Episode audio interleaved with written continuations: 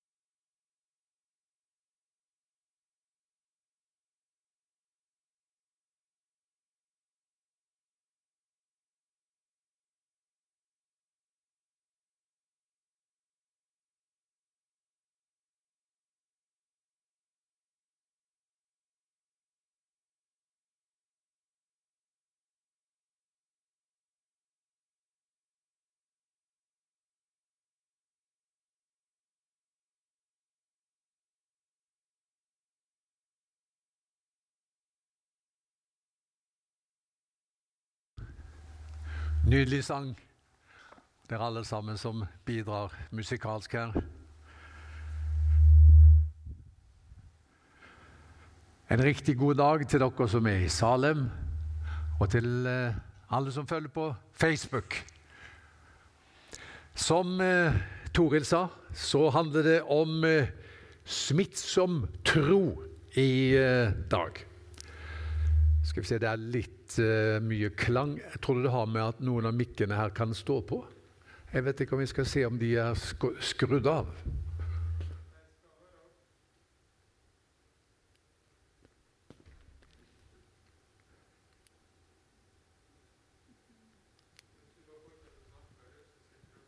Så fint.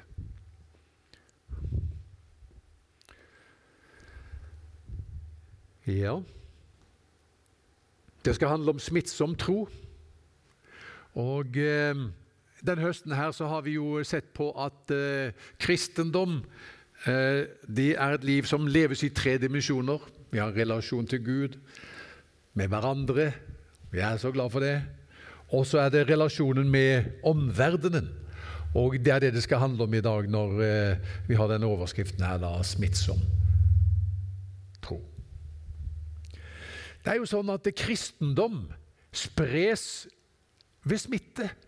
Det er litt på samme måte som eh, et virus sprer seg i, verden. Bare at dette har et veldig positivt fortegn, da, må vi legge til. I den engelsktalende verden så sier man når man blir forkjølet You catch a cold. Og det samme uh, i forhold til det å bli en kristen. You catch Christianity. Altså, du blir smittet. Eksponert til noen som er bærere av det, og så, så kan du selv bli smittet.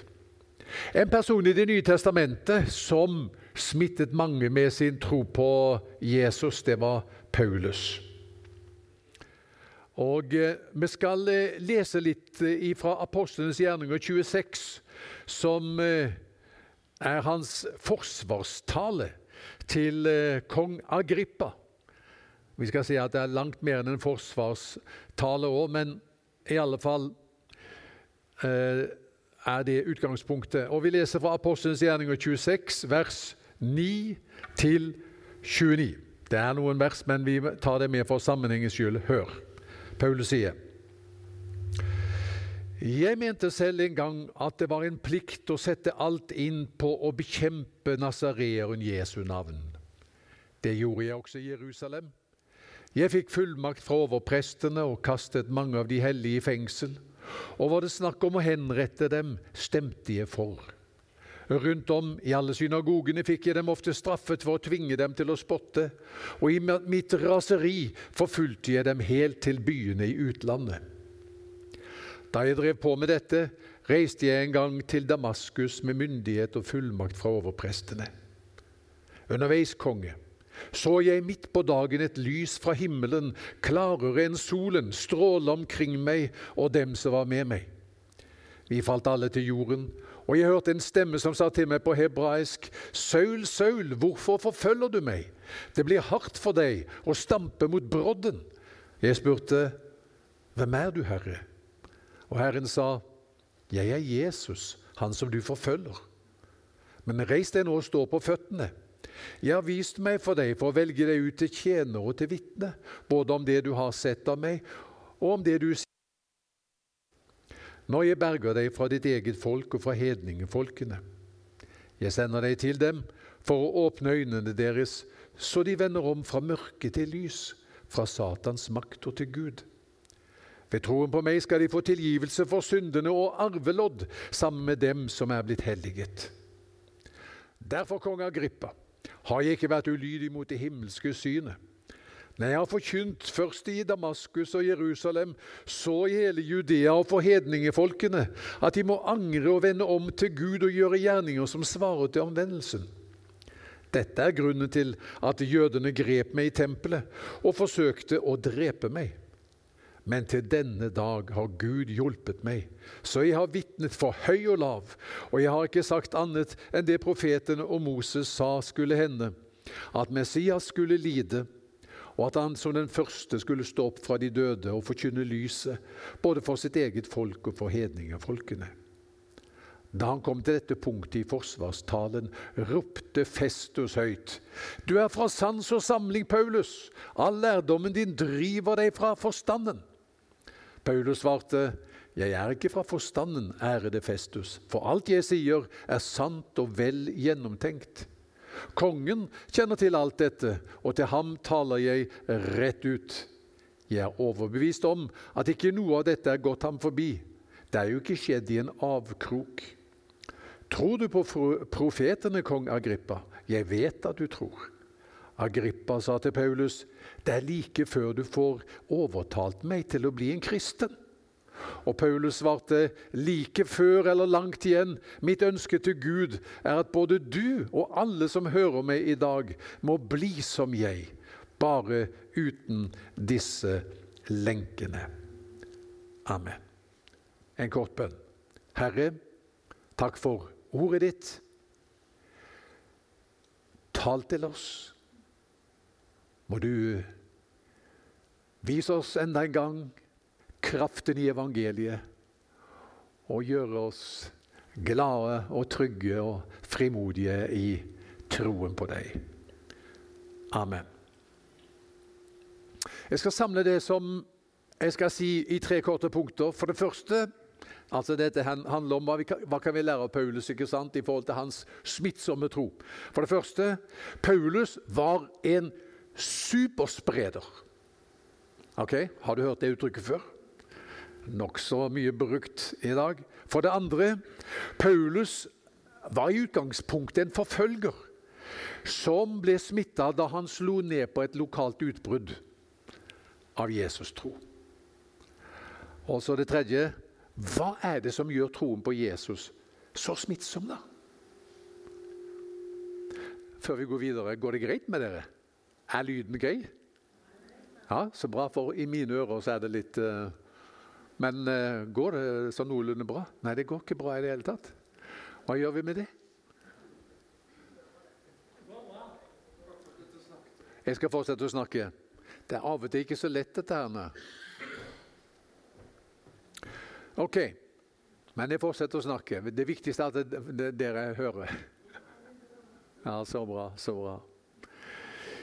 Um, Paulus var en superspreder av kristen tro.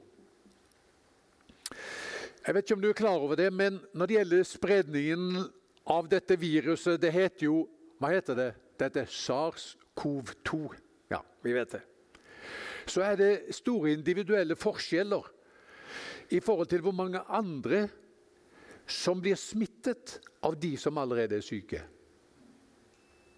Innenfor eh, epidemiologien så opererer man med en såkalt 80-20-regel. 80% av smittetilfellene stammer fra 20% av de som er blitt syke. Og Grunnen til det, det er individuelle forskjeller. Virus spres gjerne ved dråpesmitte, og noen av oss produserer 10-100 ganger så mye dråper som andre. Samme er det når det da gjelder Jesus-tro. Så er det noen som sprer mer sånn smitte enn andre, og Paulus var en sånn. Det står i Apostelens gjerninger 24, et par kapitler før det som vi leste nå i vers 5. Fiendene hans omtaler ham på denne måten. Denne mannen har vist seg å være den rene pest. Hm. Det var jo ment som en anklage, men eh, det kan for oss også tolkes veldig positivt. Han var smittet av noe. Han var den rene pest. Og han smittet så mange andre hvor han gikk fram i verden. Da må vi ha en liten pause mens vi uh, setter på litt pausemusikk. Og så skal vi Vi er godt vi har deg her, Emelin, da, så kan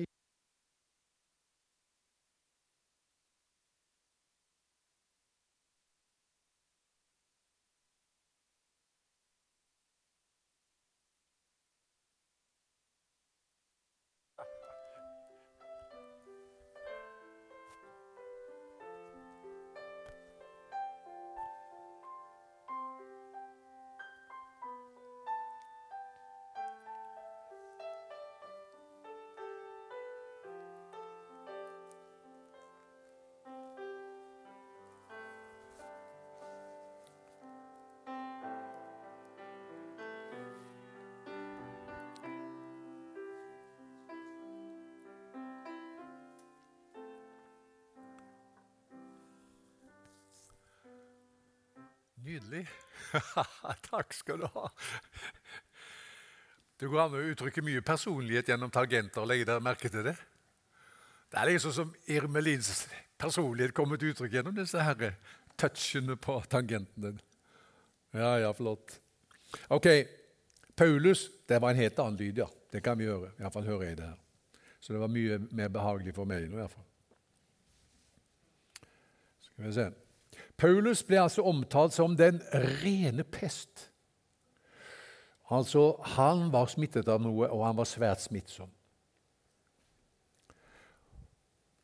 Det er ingen som vet hvor mange Paulus ledet til tro. Men hvor mange var det Jesus etterlot seg? 120. I, um, i um, Israel så var det på den tiden fire millioner jøder ca. 120 disipler, fire millioner jøder. Det betyr at forholdstallet mellom kristen og jøder, da, eller kristen ikke-kristen, kan vi jo si, var 1 til 30 000. Et tilsvarende forholdstall i Kristiansand mellom kristne og ikke-kristne hvis, hvis, forholdet var 1 til 30 000. Én kristen, 30 000 ikke-kristne. Da vil det i byen vår være tre kristne. Så det var jo en voldsom utfordring som de sto overfor, disse 120, da, som Jesus hadde sagt gå ut i all verden og gjøre alle folkeslag til disipler. Så går det 30 år, og da sier den eh, romerske historikeren Takitus at i år 64 så er det en uhyre mengde kristne som ble utsatt for forfølgelse. Og Noen gjetter på at det er blitt flere hundre tusen Jesus-troende. Hva har skjedd? De 120 til en uhyre mengde. Da peker man på denne supersprederen som avla 10 000 km til fots i hele Romerriket. Han forteller jo om dette også i sin forsvarstale til eh, Agrippa. Han var en superspreder. Ok. Har vi superspredere i dag? Finnes det superspredere. Hvis vi ser tilbake i historien, så kan vi tenke Hans Nilsen Hauge. Han var en superspreder. Og kanskje noen av oss tenker på Billy Graham. Han var en superspreder. Men jeg tenker som så at eh, hvis vi skal definere en superspreder i Guds menighet, så må vi si det er evangelistene. De er superspredere. Vet du, eh, Gud har jo gitt oss ulike nådegaver. Wilhelm her har hatt, hatt, noen kveldsundervisning om ulike nådegaver og tjenester. Og En av de der nådegavene det er jo evangelistgaven. Og noen har regnet på det der. Hvor mange evangelister finnes det i eh, en gjennomsnittsmenighet? Så har man tenkt i alle fall 10% Hver menighet har Eh, en fordeling av nådegaver der 10 er evangelister. Hvor mange evangelister har vi i Salem, da? Ja, Det er jo et litt regnestykke. Der har vi 35 eh, evangelister. da. Oi! 35 superspredere! Nå har vi alle et kall til å dele troen på Jesus med alle. ikke sant? Eh, vi er ikke alle evangelister, men alle er vi vitner. Og sånn sett er vi bærere av noe som kan positivt smitte. Men så er det altså noen som har en sånn gudgitt gave. De er, er, flinke til å omgås folk. De kommer lett i kontakt med folk. Og de har en enkel måte å dele troen på Jesus med andre på. Vi kan tenke på her i menigheten én som gjennom årene har vært en superspreder. Vet du hvem det er? Jeg tenker på riktig Eddie. Jeg tenker på Eddie. Han har vært en superspreder. Så har vi Wilhelm som sitter her nede. Wilhelm, er du en superspreder? Tommel opp, sier han. Han har fått lov å være med og vinne mange. Men det er flere. Vi skal ikke tenke bare i kategorier, liksom evangelister og sånn. Men har du lett for å få kontakt med folk? Liker du å omgås folk? Kan du formidle budskapet enkelt? Du er en evangelist. Da er mitt budskap til dere 30-40 som har den gaven. Du må ikke bli avsporet slik at du bruker tjenestegaven din og tiden din på andre ting. Vi trenger deg. Evangeliet trenger deg. Norge trenger deg. Du må spisse gaven Og Vi skal gjerne være med å be for deg og sende deg ut, slik at du kan være med og formidle evangeliet i de sammenhengene der du beveger deg. Så det er det første. Vi har alle er kalt til å være vitne, og så er det noen som har en gudgitt utrustning til dette. Evangelistene. Og vil gjerne velsigne deg i møtet her i dag om du kjenner ja, det tror jeg Gud har kalt meg til. Ok, Det andre. Paulus var i utgangspunktet ingen superspreder. Han var helt på motsatt side. Han var en innbitt motstander av kristen tro. Han raste mot de kristne. Men han ble smittet idet han var på vei opp til Damaskus for å slå ned på et lokalt utbrudd som var der, eh, av eh, Jesus-tro. Hvorfor var han det, da? Kanskje vi kunne eh, ganske kort prøve å forstå hva er grunnen til at Paulus er så rasende på de kristne. Ja, for det første, Jesus overholdt jo ikke loven. Og loven var veldig viktig for fariseerne. Det gjaldt å eh, holde loven til punkt og prikke.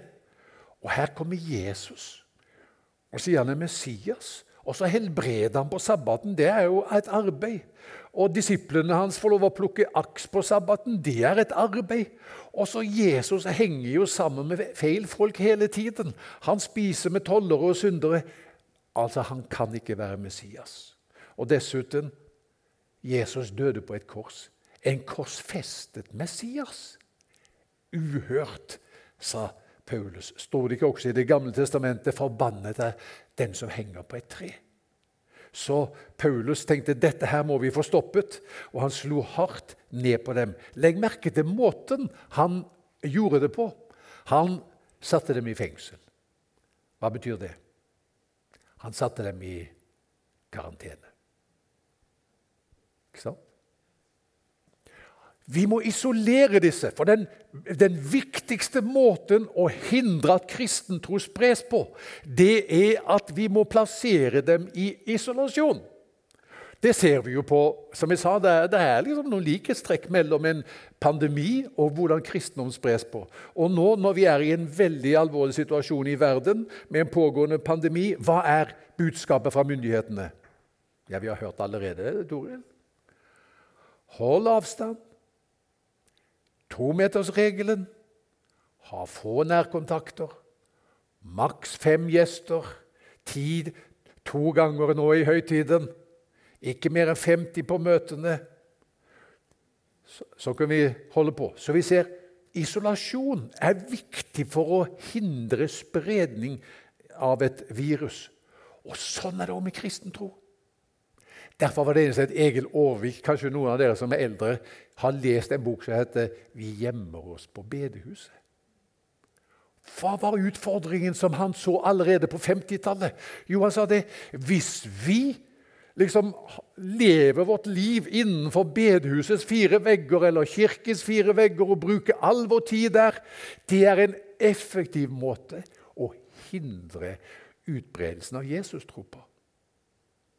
Så hvis en menighet skal eh, vokse og kristentroen skal ha fremgang, da må vi passe på at ikke vi blir karantenehotell.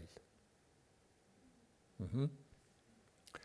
Så det var noe som Paulus så, derfor så puttet han i fengsel. Det var vel knapt et karantenehotell, men han greide å isolere dem.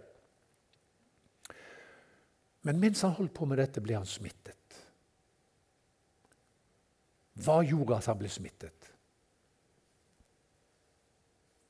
For det første måten de kristne møtte forfølgelse på og død på. For var det snakk om henrettelse, så stemte Paulus for. Heltemotet han så hos dem. Noen av dem gikk glade i døden. Paulus glemte aldri måten Stefanus hadde dødd på, den første kristne martyren. Han var jo til stede da.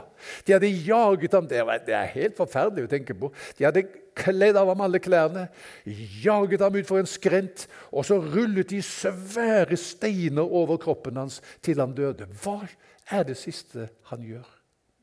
Han, sier, han ber en bønn. Først så sier han 'Jeg ser himmelen åpen', og menneskesønnen står ved Faderens høyre hånd. Så sier han, 'Herre, I dine hender overgir jeg min ånd. Og siste, Den siste bønnen før han dør, det er Far, tilregn dem ikke denne misgjerningen. Der er Paulus. Han glemte det aldri. Og, og kirkefaderen Augustin sier vi kan takke Stefanus for at vi fikk Paulus. Den bønnen og Det skal vi huske på. Hvis vi er opptatt av smittsom tro og deler troen med andre, så er det noe som er viktigere enn våre ord, og det er livet vårt og måten vi lever på. Og Det var den måten de kristne levde på, som overbeviste Paulus. Eh, det kan hende jeg har feil. Kanskje det er de som har rett. Hva får dem til å møte vanskeligheter på den måten som de møter vanskeligheter på? Okay? Så det var det ene som gjorde at han eh, Eh, ble smittet. Det avgjørende var jo da det som skjedde da han var på vei til Damaskus. Han hadde hørt om et utbrudd. Og skal vi stanse denne pandemien, så må vi slå ned dette utbruddet av Jesus tro i Damaskus. Men på veien så blir han Og der har du liksom den lille parallellen til juleevangeliet. da, Så blir han jo eh, underveis konge, sier han i vers 13. Så er midt på dagen et lys fra himmelen klarere enn solen, stråler omkring meg og dem som var med meg. Det er noe med julebudskapet som handler om at lyset bryter inn i vår verden. ikke sant? Der opplever han mest sin julaften, når lyset bryter inn i hans verden. Og det er Jesus han får møte, og Jesus sier til ham, 'Saul, Saul, hvorfor forfølger du meg?' 'Det blir hardt for deg å stampe mot brodden.'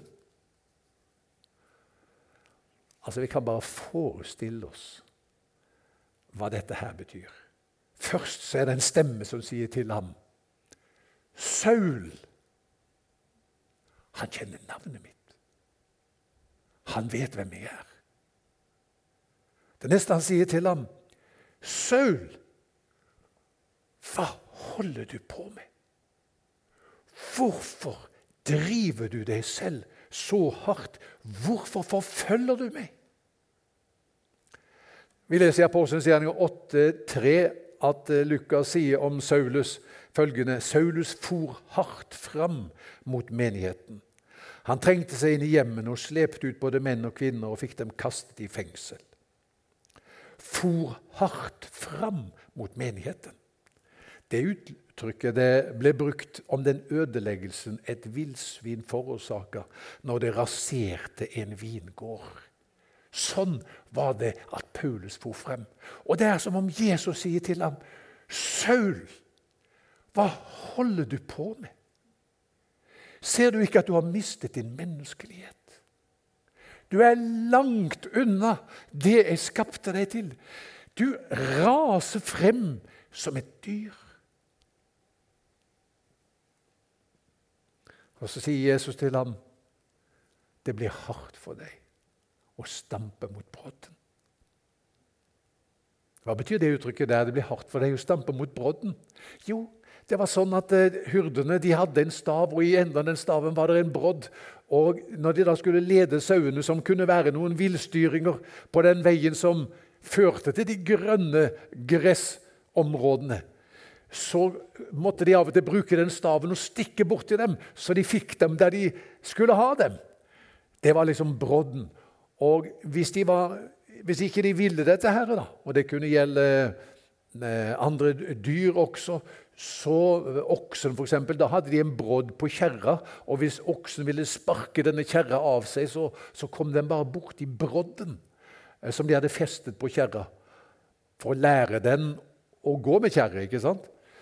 Og så skadet de bare seg selv. Sånn sier Jesus til Paulus. Det blir hardt for deg. Jeg har en plan for livet ditt. Nå slåss du imot.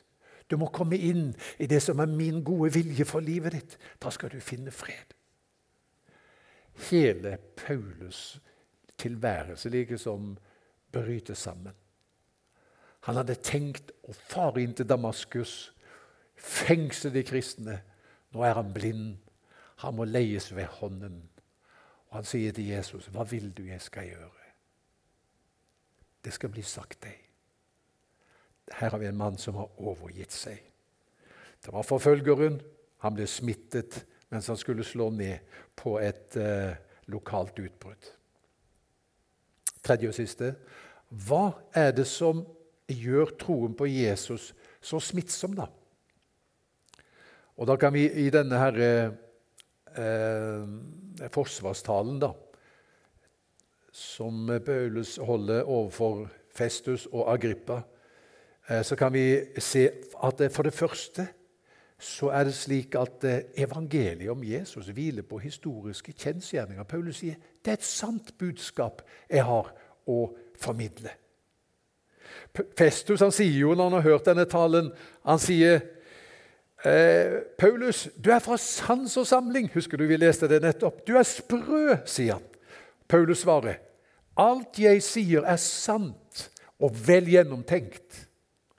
Kongen kjenner til alt dette, og til ham taler jeg rett ut. Jeg er overbevist om at ikke noe av dette er gått ham forbi. Det er jo ikke skjedd i en avkrok. Så det er liksom som Han vender seg til Festus igjen, og så sier han Du har jo ikke bodd her, så jeg forventer jo ikke at du skal ha fått med deg alt som har skjedd her i Israel. Men du, kong Agrippa, du har jo bodd her. Du er jo åtte år da Jesus døde, så du, du, du vet jo hva som har skjedd i dette landet. Du vet, I evangeliene er det mange mirakelberetninger, ikke sant? Men det var bare et fåtall som fikk plass i Det nye testamentet. Hvis vi skulle tatt med alt som hadde skjedd da, Vi hadde stått i Johannes 21, vers 25 følgende Men også mye annet har Jesus gjort. Skulle alt skrives ned, hver enkelt ting, tror jeg ikke hele verden ville romme alle de bøker som da måtte skrives. Så Det er klart det er bare et lite fåtall av de under som Jesus gjorde, som vi har i evangeliene. Men det kan ha vært hundrevis av under som skjedde ved Jesu hender. Og tusenvis av mennesker er i live på dette tidspunktet når Paulus taler til Agrippa og kan bekrefte det som Paulus sa. Hvis du lurer på om det som jeg sier nå, er sant, kunne han si. Ta deg en tur ut i Jerusalem, eller beveg deg opp til Galilea, der Jesus også virket så mye. Og så vil du møte hundrevis, ja, hvis ikke tusenvis av mennesker som kan si det er sant, alt sammen. Vi så ham jo. Vi møtte ham. Ja, jeg var, kunne kanskje en si, jeg var faktisk der da Lasarus ble levende igjen. Han var det. De hadde lagt ham i graven. Kroppen var begynt å lukte allerede. Men han kom ut igjen. Jeg så det med mine egne øyne. Slik var det altså hundrevis, om ikke tusenvis av mennesker som levde enda, som kunne bekrefte dette. Som han sa. Og når det gjelder oppstandelsen fra de døde, så sier Paulus i 1. Korinterbrev 15 ja, Jesus har vist seg for mange, og han har vist seg for 500 mennesker på én gang. Av dem er noen døde. Altså, Noen av dem har allerede lidd martyrdøden. Men de fleste er ennå i live. Snakk med dem. Hvis ikke du tror at Jesus har stått opp fra de døde, snakk med dem. Skjønner du? Dette er bakteppet når Paulus sier til Festus, som sier du er fra sans og samling, du er sprø, eh, Paulus, så sier Paulus altså alt jeg sier, er sant. Det er vel gjennomtenkt. Det har ikke skjedd i en avkrok. Det har skjedd i full offentlighet. Dere kan sjekke med hvem dere vil. Det gjør noe med et menneske når de forstår at det jeg tror på, er sant. Det er sant. Skal du overbevise andre, må du selv være overbevist. ikke sant? Det er jo sånn. Og Her møter vi altså et menneske. Han er en superspreder fordi han vet at evangeliet er sant. Det andre som han vet, det er fordi han har møtt det selv. Evangeliet møter våre dypeste lengsler og behov. Hvis du leser Rombrevet 7 Du kan jo gjøre det i ettermiddag hvis du har god tid. Så leser du Paulus sin åndelige selvbiografi, faktisk. Rombrevet 7. Og Da vil du se at han som fariseer han hadde det ikke godt. På slutten av kapittel 7 så ser han på seg selv, og så bryter han ut i følgende korte setning Jeg ulykkelige menneske. Ikke sant? Hva var det strevde, han strevde med? Jo, han strevde med å holde loven til punkt og prikke. Det var jo det en fariseer liksom var dedikert til. Det var 6000 av dem i Israel. Og de var, de var dedikert til dette her. Holde loven til punkt og prikke. Og så opplever han jeg makter ikke dette. Han sier i Rombrevet 7,19.: Det gode som jeg vil, gjør jeg ikke. Men det onde som jeg ikke vil, det gjør jeg. Jeg ulykkelige menneske.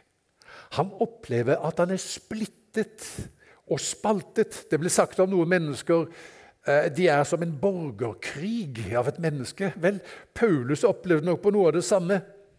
Platon, vet du, den greske filosofen, sa sjelen er som en kusk som skal kjøre med to hester. Den ene hesten er snill og føyelig, den andre er vill og ustyrlig. Og Sånn kan et menneske også oppleve at i mitt sjelsliv, i mitt indre, er liksom det to krefter som trekker i litt ulike retninger. Paulus kjente til det og visste hvordan kan jeg behage Gud? Så møter han Jesus, og så sier Jesus til ham at det budskapet han skal eh, ta ut til verden Det står i vers 18 i Apostelens gjerninger 26. Ved troen på meg skal de få tilgivelse for syndene og arvelodd sammen med dem som er blitt helliget. Tilgivelse for syndene og arvelodd. Der ligger budskapet. Han strevde med lovoppfyllelse og strevde med at han ikke greide å leve opp til Guds vilje og Guds lov slik den var uttrykt i Det gamle testamentet. Og Så møter han Jesus, og så sier Jesus til ham, 'Vet du hva? Det er et helt annet grunnlag for å bli eh, elsket og godtatt hos Gud. Og det er ikke lovoppfyllelse, men det er tilgivelse for syndene og arvelodd. Da får du arvelodd. Luther sa en gang der det er syndenes forlatelse, der er det liv og salighet. Og Paulus så at når jeg har fått tilgivelse for syndene, da åpnes det opp for meg, så jeg kan få del i alt det som, jeg, som var utenfor rekkevidde for meg da jeg var eh, fariseer. For jeg trodde at det var liksom en standard jeg måtte leve opp til. Så det budskapet som kombinerer både tilgivelse for syndene og arvelodd, det er det budskapet som, eh, som, er hovedbudskapet til Paulus. Det er rettferdiggjørelse ved tro. Det, det er liksom kjernen i hans budskap. Og Vi bruker jo ikke dette ordet så mye, men kanskje bruker vi det av og til om å rettferdiggjøre oss selv. Har du brukt det? Eller har du sagt det om noen? Han prøver å rettferdiggjøre seg selv. Hva er det du gjør da? Har du prøvd å rettferdiggjøre deg selv noen gang, Toril? Ja, ja, det tror jeg jeg har prøvd på. Hva gjør vi da? Når vi rettferdiggjør oss selv? Ja, Det som jeg prøver på, da, det har hendt noen ganger. Få ganger husker jeg i 1984. Da prøvde jeg på det. kan jeg huske.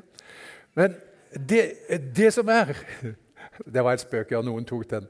Ehm, det er at vi prøver å legge fram grunner som viser at vi har handlet rett. Du mener at jeg har handlet feil, men nå skal du høre.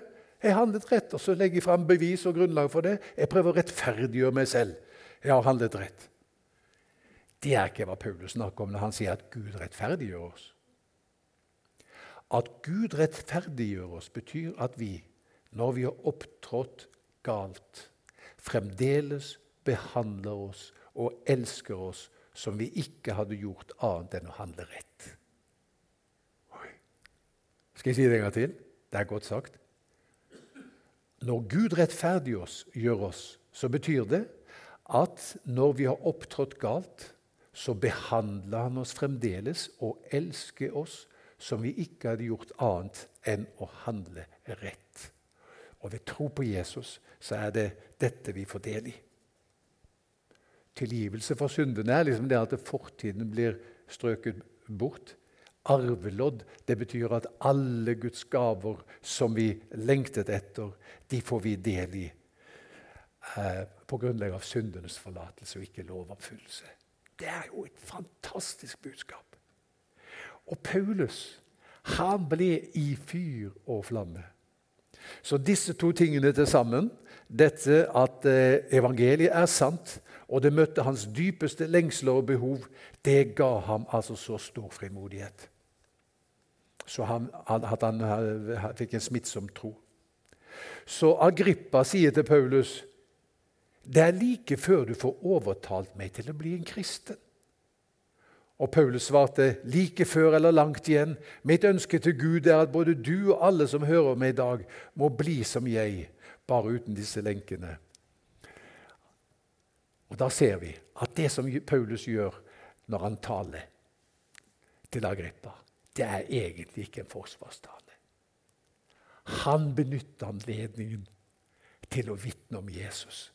Hva er det du holder på med, sier Agrippa. Prøver du å omvende meg, eller? Ja visst. Har du ikke skjønt det før nå? Det er det jeg prøver på. Jeg skulle ønske at både du og alle som hører meg, må bli som jeg. For du skjønner, evangeliet er sant, og det møter våre dypeste lengsler. Jeg hadde kjørt meg helt fast i en hengemyr. Jeg kom aldri ut av det, sa han. Jeg trodde lovoppfyllelse var veien til å bli akseptert hos Gud. Og så fikk jeg møte Jesus på Damaskusveien, og så sa han hvis du får tilgivelse for syndene, så får du arvelodd. Den som er tilgitt, har arvelodd og del i alle Guds gode gaver. Sånn er en smittsom tro. La oss be. Herre, vi takker deg for at Paulus viser oss veien i forhold til smittsom tro. Og om ikke vi er eh, superspredere, så takker vi deg, Herre, for at vi alle sammen kan være bærere av en, en uh, Jesus-begeistring i møte med hva du gjør for oss. Som gjør at vi kan smitte andre på en positiv måte og vise dem vei til det sanne liv og lys som du gir. Så har jeg lyst til å be deg også for de som er i Salem, og som hører meg ellers også på Facebook eller hvor det er, som vet med seg selv Jeg har lett for å omgås folk. Jeg liker å være sammen med folk og prate med folk. Og at de har en evangelistgave. At du skal velsigne dem og bruke dem. Og at de kan lede mange til tro på deg. Amen.